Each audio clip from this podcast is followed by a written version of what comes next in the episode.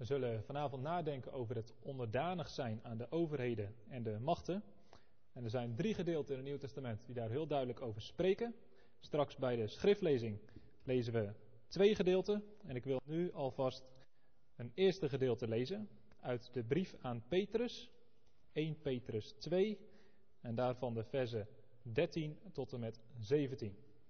1 Petrus 2, vers 13 tot en met 17. En er staat boven aan alle gezag onderdanig. Onderwerp u dan, omwille van de Heere, aan alle menselijke orde.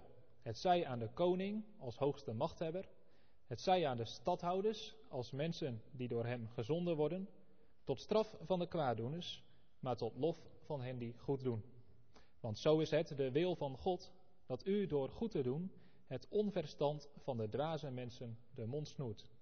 Als vrije mensen, maar niet alsof u de vrijheid hebt als een dekmantel voor slechtheid, maar als dienstknechten van God. Houd iedereen in ere. Heb al uw broeders lief.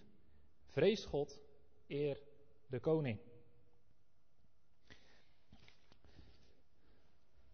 Ik wil u een paar jaar terugnemen in de tijd, ongeveer 80, misschien 90 jaar.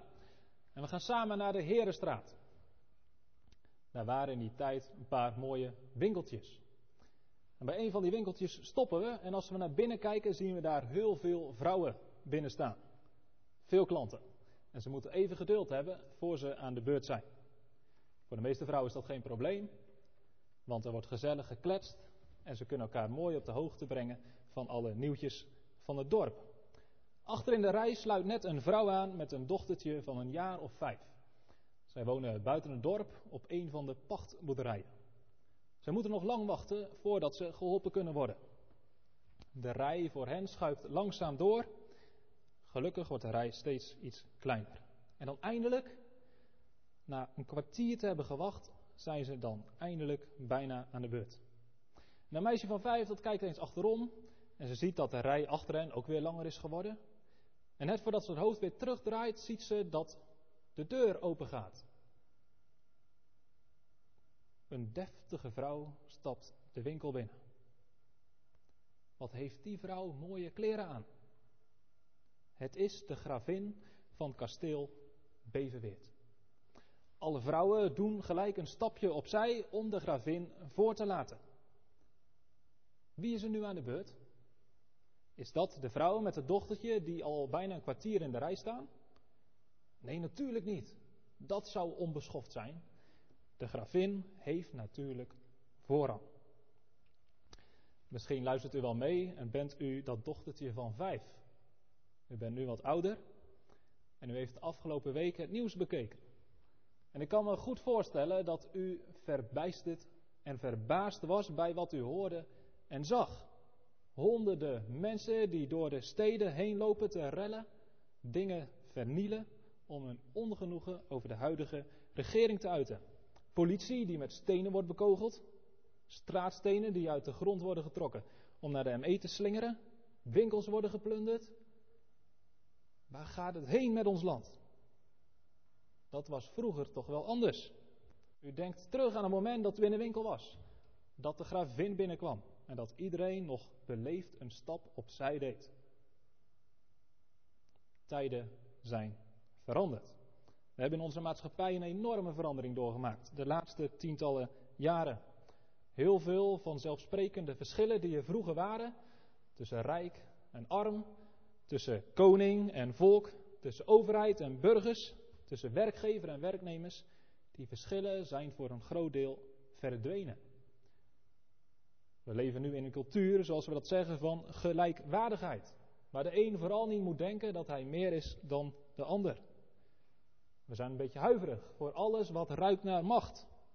Macht wordt immers vaak misbruikt. Misschien is dat wel de reden waarom wij in onze tijd moeite hebben met gezag. In de gezinnen, in de kerk en ook in de maatschappij. Tegelijkertijd moeten we ook niet doen alsof dat iets volstrekt nieuws is. Alsof dat iets is van de, het eind van de 20ste en het begin van de 21ste eeuw. Wie de geschiedenis doorgaat, die komt heel veel revoluties, heel veel opstanden tegen. Momenten waarin burgers terecht, of misschien onterecht, in opstand komen tegen het bestaande gezag. Dat is iets van alle tijden.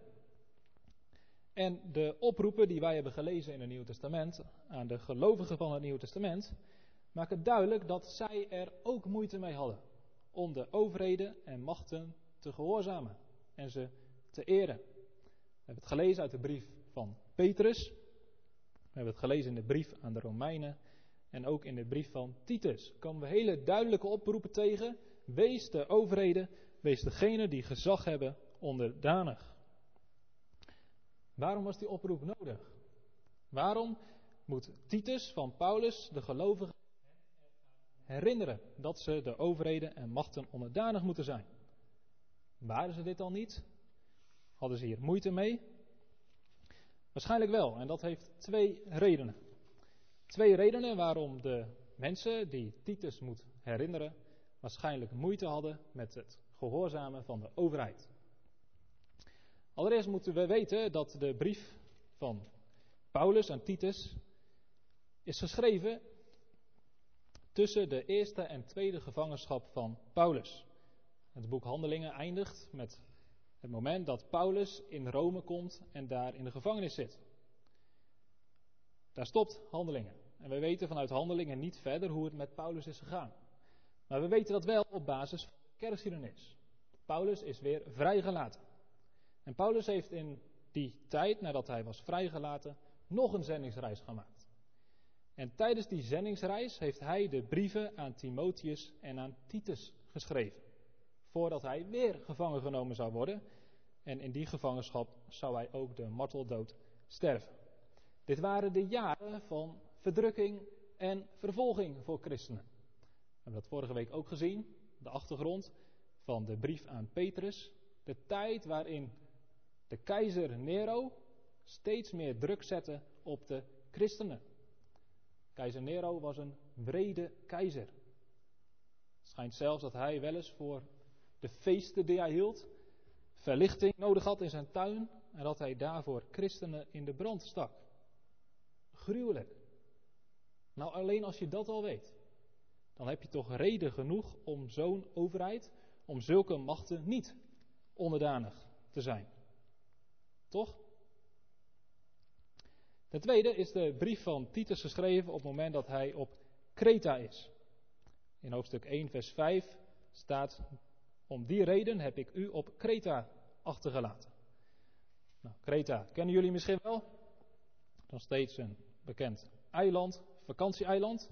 Een eiland in een Middellandse Zee, net onder Griekenland. En Paulus was hier geweest om het evangelie te verkondigen. Hij was van de ene stad naar de andere stad op het eiland gegaan om daar het evangelie te verkondigen en gemeenten te stichten. En toen was hij weer weggegaan. En hij heeft tegen Titus gezegd, ik laat jou hier achter en jij moet in elke stad waar een gemeente is, moet je ouderlingen aanstellen. Elke gemeente moet leren zelfstandig te functioneren. En de leiders moeten uit de eigen gemeente komen. En jij, Titus, moet zorgen dat de juiste mannen daarvoor aangesteld worden. Kreta. Nou, dat eiland dat stond niet positief bekend. De Cretenzen stonden bekend als verschrikkelijke heidenen.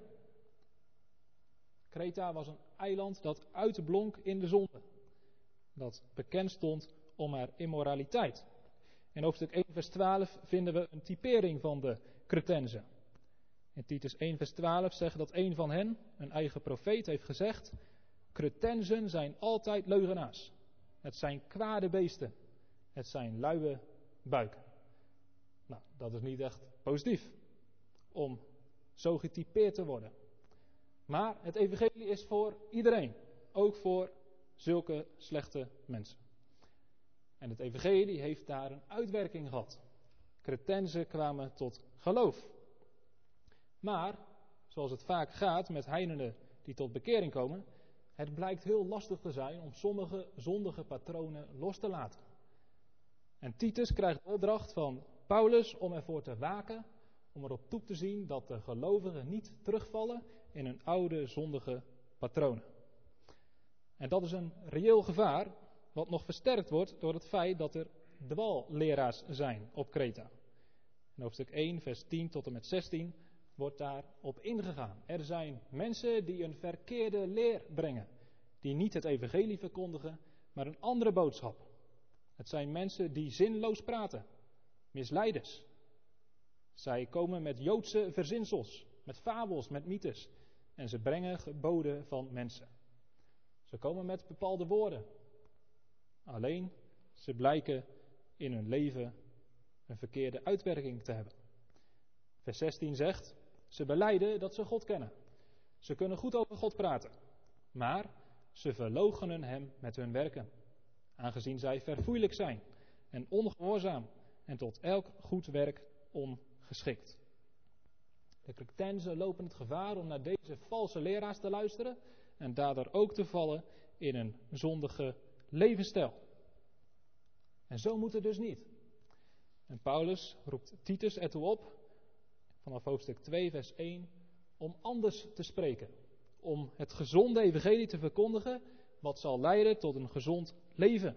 Geloof in de Heer Jezus moet leiden tot een levensstijl die God verheerlijkt en mensen inwindt voor het evangelie.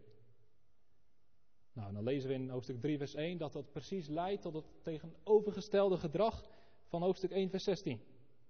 In plaats dat ze verfoeilijk zijn, moeten ze onderdanig zijn. In plaats dat ze ongehoorzaam zijn, moeten ze gehoorzaam zijn. En in plaats dat ze tot elk goed werk ongeschikt zijn, moeten ze tot elk goed werk bereid zijn. Dit zijn de twee redenen waarom Titus de Cretense moet oproepen om de overheden onderdanig te zijn. Ten eerste, ze hebben te maken met een keizer, met een overheid die allesbehalve christelijk is, juist de christenen onder druk zet. En ten tweede, ze hebben een heidense achtergrond met zondige patronen waarin ze niet gehoorzaam wilden zijn. En het risico bestaat dat ze daarin terugvallen. Nou, en dan gaan we deze redenen toepassen naar ons vandaag de dag. Want ik denk dat dit precies twee redenen zijn waarom ook wij vandaag de dag het moeilijk kunnen vinden om de overheden en de machten onderdanig te zijn. De eerste reden is dat de politiek in onze dagen ook in onze ogen fouten kan maken. En als we het gevoel hebben dat de overheid ons tekort doet, of dat bepaald beleid schadelijk is voor de burgers, dan zien we daar al snel een goede reden in om in opstand te komen. Om ons te verzetten tegen wat de overheid en de machten ons opleggen. De tweede reden, dat zegt meer over ons dan over de overheid, namelijk dat wij net als de Cretensen ook een zondig hart hebben. En dat zondige hart, dat protesteert tegen de gedachte dat iemand anders iets over ons te zeggen zou hebben. Dat iemand anders een deel van ons leven zou mogen bepalen. Daar verzetten we ons tegen. En zeker op die momenten dat we het gevoel hebben dat het onze levens onterecht inperkt. In de achterliggende week werd die vraag regelmatig gesteld. Waar komen nou die rebellen, die rellen vandaan? Wat is hier de oorzaak van? Is dit te verklaren door de avondklok? Is dit te rechtvaardigen? Er zullen ongetwijfeld mensen tussen hebben gelopen die dachten dat hun protestactie volstrekt eerlijk en goed was. Omdat de overheid in hun ogen het volstrekt verkeerd aanpakt. Omdat ze de coronacrisis verkeerd hanteren.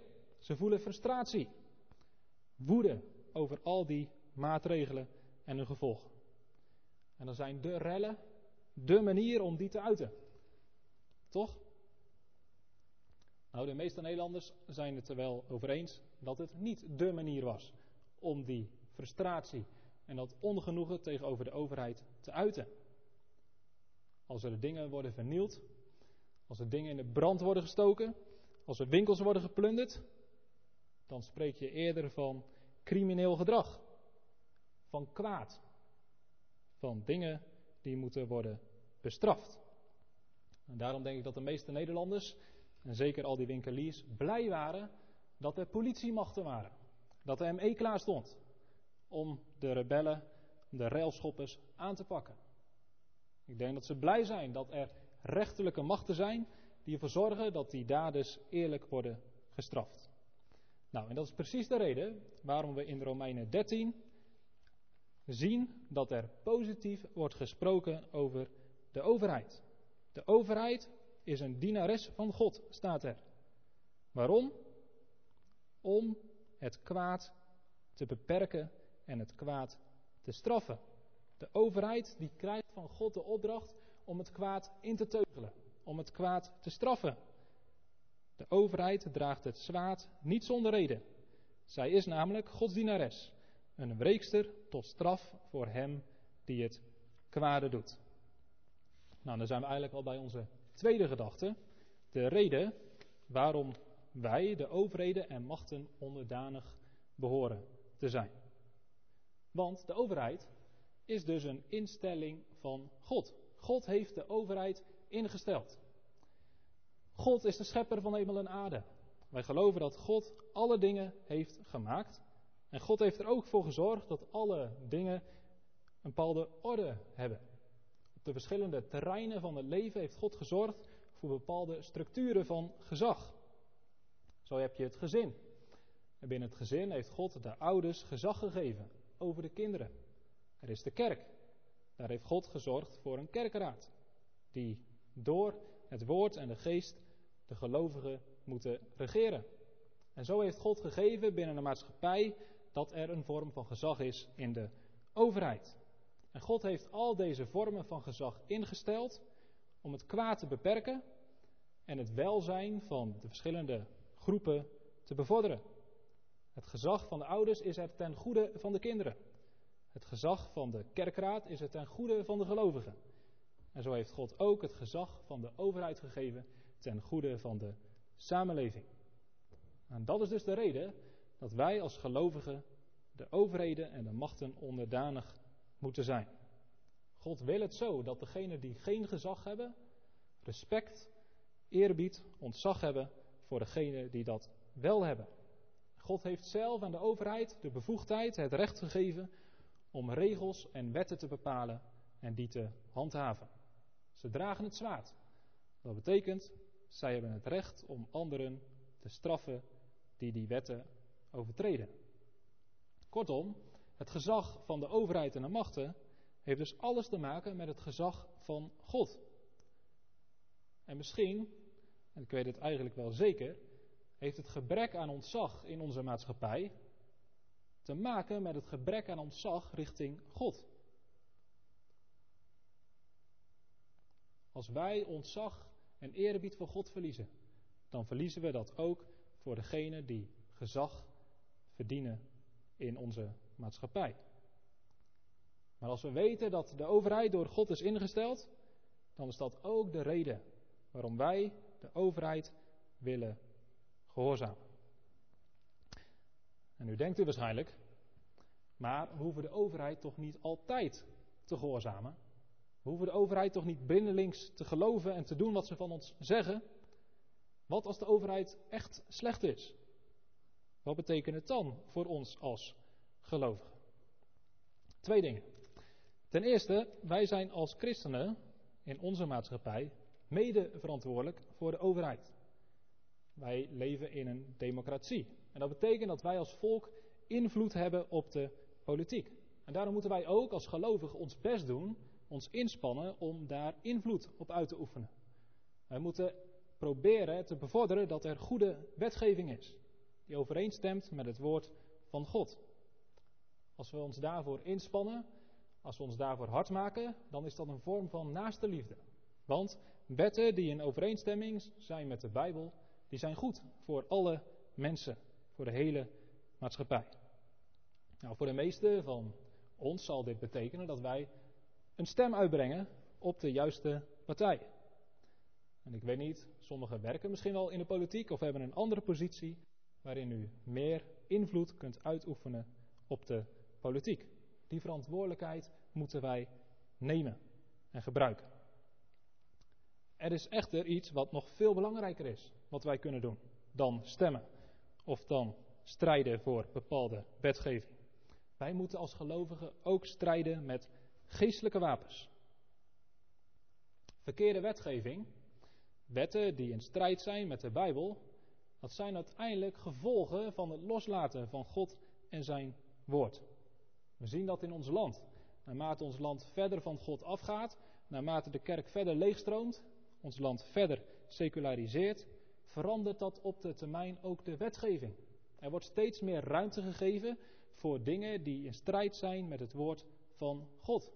Denk aan de wetgeving rondom abortus bijvoorbeeld, of de prostitutie. Ons land is aan het afgeleiden van God en zijn woord en dat zien we terug in de wetgeving. Willen we terug naar goede wetgeving, dan moeten we terug naar het hart van de mensen. De mensen die in de politiek zitten, de mensen die op de politiek mogen stemmen, hebben een hart nodig wat ontzag en eerbied heeft voor God en zijn woord. Het belangrijkste dat wij dus als gelovigen kunnen doen om de politiek uiteindelijk te beïnvloeden, is het delen van het evangelie met alle mensen. Een terugkeer naar God, een terugkeer naar zijn woord. Dat zal de wetgeving van de overheid positief beïnvloeden.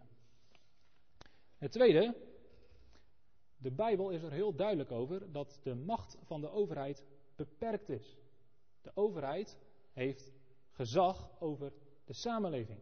Maar ze hebben bijvoorbeeld niets te vertellen over de kerk. Dat is een ander terrein waar Christus koning is. Waar hij regeert door zijn woord en geest via de kerkrijd.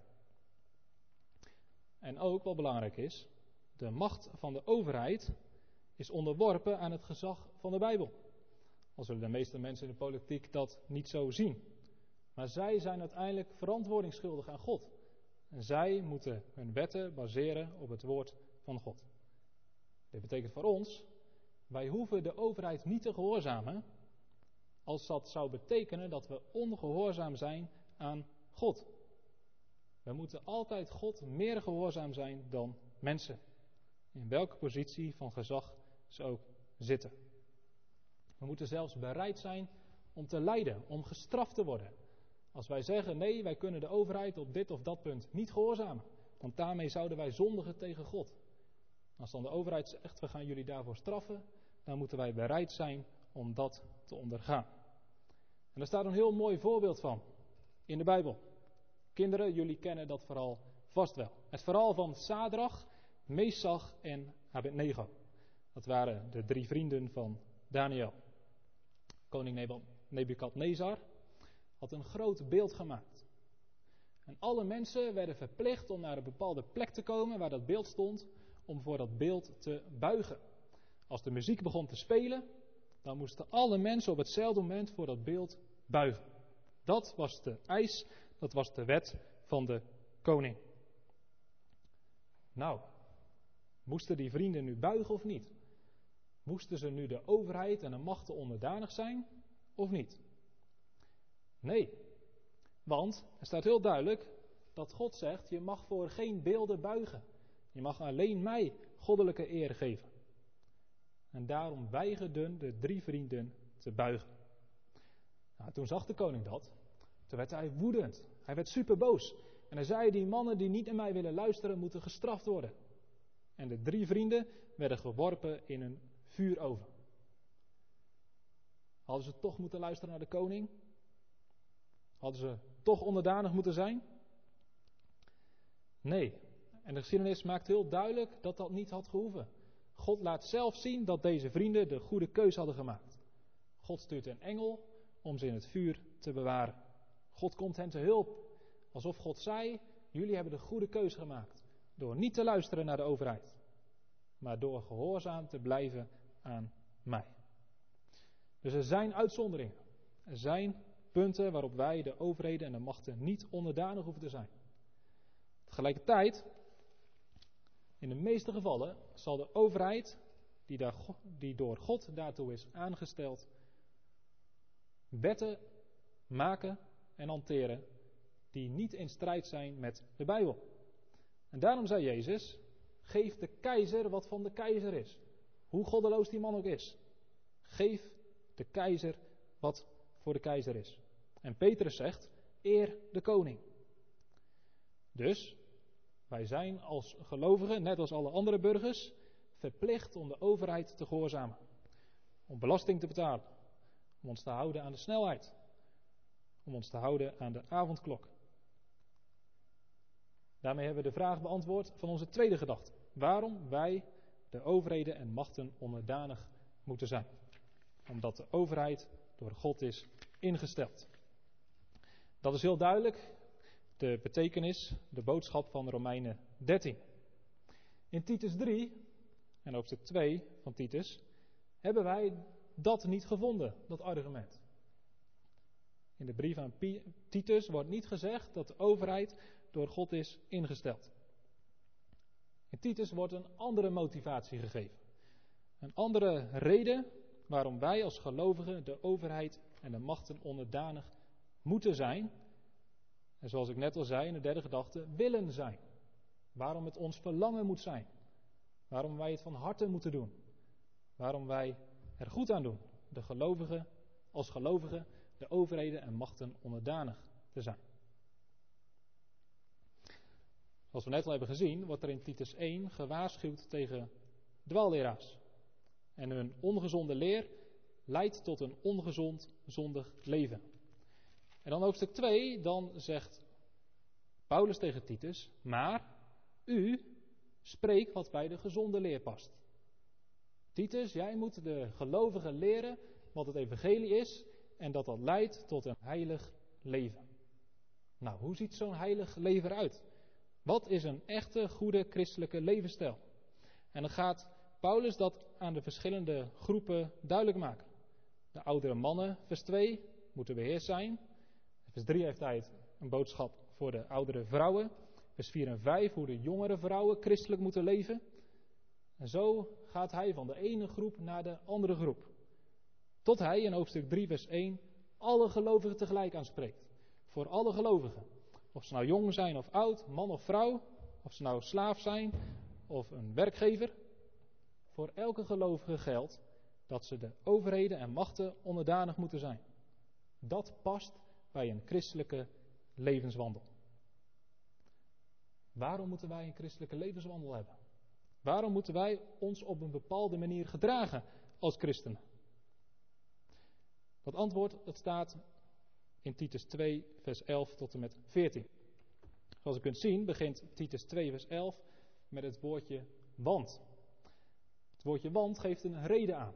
Hier wordt een reden gegeven waarom wij worden opgeroepen als christenen op een bepaalde manier te leven. Want de zaligmakende genade van God is verschenen aan alle mensen. En leert ons de goddeloosheid en de wereldse begeerten te verloochenen en in deze tegenwoordige wereld bezonnen, rechtvaardig en godvruchtig te leven. Terwijl wij verwachten de zalige hoop en verschijning van de heerlijkheid van de grote God en onze zaligmaker Jezus Christus. Hij heeft zichzelf voor ons gegeven, opdat hij ons zou vrijkopen van alle wetteloosheid en voor zichzelf een eigen volk zou reinigen, ijverig in goede werken. Waarom is het evangelie naar werk overgekomen? Waarom heeft God ervoor gezorgd dat wij mogen weten wie Jezus Christus is? Met één reden. Dat wij gered zouden worden. Dat wij zalig gemaakt zouden worden. En wat betekent dat? Wat betekent het dat de genade van God is verschenen om ons zalig te maken? Nou, allereerst gaat dat over het oordeel van God over onze zonde. Ons eerste probleem is dat wij het oordeel van God verdienen. Dat wij schuldig staan en straf verdienen. En het Evangelie geeft daar het antwoord op. God heeft zijn eigen zoon naar deze wereld gezonden. Om in onze plaats het oordeel van God te dragen. Om in onze plaats gestraft te worden. Zodat wij, als we in de Heer Jezus geloven, niet in de hel worden verdoemd, maar in de hemel worden verheerlijkt. Dat is goed nieuws. Dat is de blijde boodschap. We kunnen vergeving ontvangen. Voor al onze zonden, voor al onze overtredingen, voor al die keren dat wij niet goed leefden. En hoe? Uit genade. Voor niks. Gratis. God geeft het zonder tegenprestatie te verwachten. Nou, dan kun je denken, dat is wel heel makkelijk. En als het zo makkelijk is, leidt dat niet dan tot een zondige levensstijl? Als je weet dat je er niks voor hoeft te doen, Dat je het uit genade kunt krijgen. Als God toch al onze zonden wil vergeven voor niks, leidt dat niet dan tot een zondig leven? Nee. En daar is dit gedeelte heel duidelijk over. God geeft ons vergeving uit genade voor niks. En dat is juist de kracht en de enige kracht, de enige motivatie om daadwerkelijk ook de zonde te stoppen. Om niet langer naar de begeerte van het vlees, maar naar de wil van God te leven. Het evangelie bevrijdt ons eerst van de schuld van de zonde, van de straf op de zonde. En daardoor, door dat te ontvangen, worden we ook bevrijd van de liefde tot de zonde. Dus daarom is de genade, het evangelie van God aan ons verkondigd. Daarom heeft de Heer Jezus zichzelf voor ons gegeven. Vers 14. Hij heeft zichzelf voor ons gegeven. Helemaal. Tot in de dood. Jezus heeft zichzelf zijn eigen leven voor ons gegeven. Waarom? Opdat Hij ons zou vrijkopen van alle wetteloosheid. Jezus heeft ervoor betaald. Hij heeft zijn bloed ervoor gegeven. Om ons te verlossen, om ons vrij te kopen van een zondige levensstijl, van alle wetteloosheid. En om voor zichzelf een eigen volk te reinigen, dat ijverig zou zijn in goede werken. Dus in het Evangelie wordt ons verkondigd dat de Zoon van God de hoogste prijs heeft betaald om ons te verlossen van een zondig leven, om ons te reinigen, om ons in staat te stellen om tot eer van God te leven. En dat betekent dat we tot elk goed werk bereid zijn. En wat is dat? Dat we de overheden onderdanig zijn. Dat we gehoorzaam zijn aan hun wetten. Dat betekent dat we doen wat de overheid van ons vraagt, wat goed is. Tot elk goed werk bereid. Nou, dat weten jullie wel wat dat is in Werkhoven. Als er iets moet gebeuren voor de kerk, er moet iets gebeuren voor het dorp, genoeg mensen te vinden. Mensen die bereid zijn om een hand uit de mouw te steken. Mensen die bereid zijn om te werken. Dat betekent het, bereid te zijn tot goed werk. Als de overheid iets van ons vraagt wat goed is, als er iets nodig is in onze maatschappij wat goed is, dan moeten wij als gelovigen vooraan in de rij staan. Dan moeten wij uitblinken. Omdat wij de kracht en de motivatie hebben vanuit het evangelie. Om uit de liefde van de Heer Jezus onszelf, onze tijd, onze energie te geven in liefde voor onze medemensen. En als we dat doen als gelovigen, als we zo leven, als we zo bekend staan in onze maatschappij, als we zo burger zijn, weet u wat we dan doen? Dan doen we iets prachtigs. Dat staat in vers 10 van hoofdstuk 2. Als we dat doen, dan versieren wij het evangelie. Staat in de tekst opdat zij het onderwijs van God onze zaligmaker, dat is het evangelie, in alles tot sieraad mogen strekken. Wij kunnen met onze daden, wij kunnen op de manier waarop wij als burgers in de maatschappij staan, kunnen wij versieren, kunnen wij mooi maken, aantrekkelijk maken, wat wij hier in de kerk met, ons, met onze mond en met ons hart mogen beleiden. De mensen die niet naar de kerk gaan, die weten niet wat wij hier allemaal zeggen en beleiden. Maar ze zien ons wel als wij door het leven gaan, op ons werk, in het verkeer, noem alles maar op. En als wij in een maatschappij laten zien dat wij anderen lief hebben, dat wij gehoorzaam zijn aan de overheid, dan versieren we daarmee het evangelie. Het tegenovergestelde kan ook.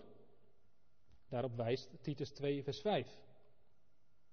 Daar moeten de jongere vrouwen zich op een bepaalde manier gedragen, opdat het woord van God niet gelasterd wordt. Dat kan dus ook.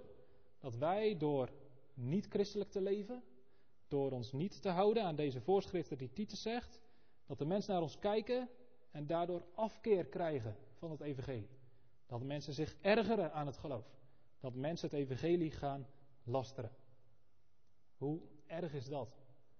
Als er in het nieuws naar voren komt dat mensen uit een christelijk dorp ook opstandig zijn, ook branden stichten, ook de politie tegenwerken, dan wordt het evangelie gelasterd. Zo moet het niet. Laten wij deze opdracht gehoorzamen. De overheden en macht onderdanig zijn. Allereerst omdat we weten dat de overheden en machten door God zijn aangesteld. Wij moeten het, net als alle andere burgers. Maar ook omdat wij mogen weten dat we door het evangelie zijn gered. Dat Jezus Christus voor onze zonde is gestorven om ons hiertoe in staat te stellen. En als we dat bedenken, dan krijgen we de kracht, de motivatie en de liefde om ook aan deze opdracht, ook aan dit gebod van onze God en zaligmaker te gehoorzamen. Herinner hen eraan dat zij de overheden en machten onderdanig behoren te zijn. Dat ze hun gehoorzaam zijn en dat ze tot elk goed werk bereid zijn. Laten wij zo uit het evangelie leven dat wij deze woorden mogen gehoorzamen. Amen.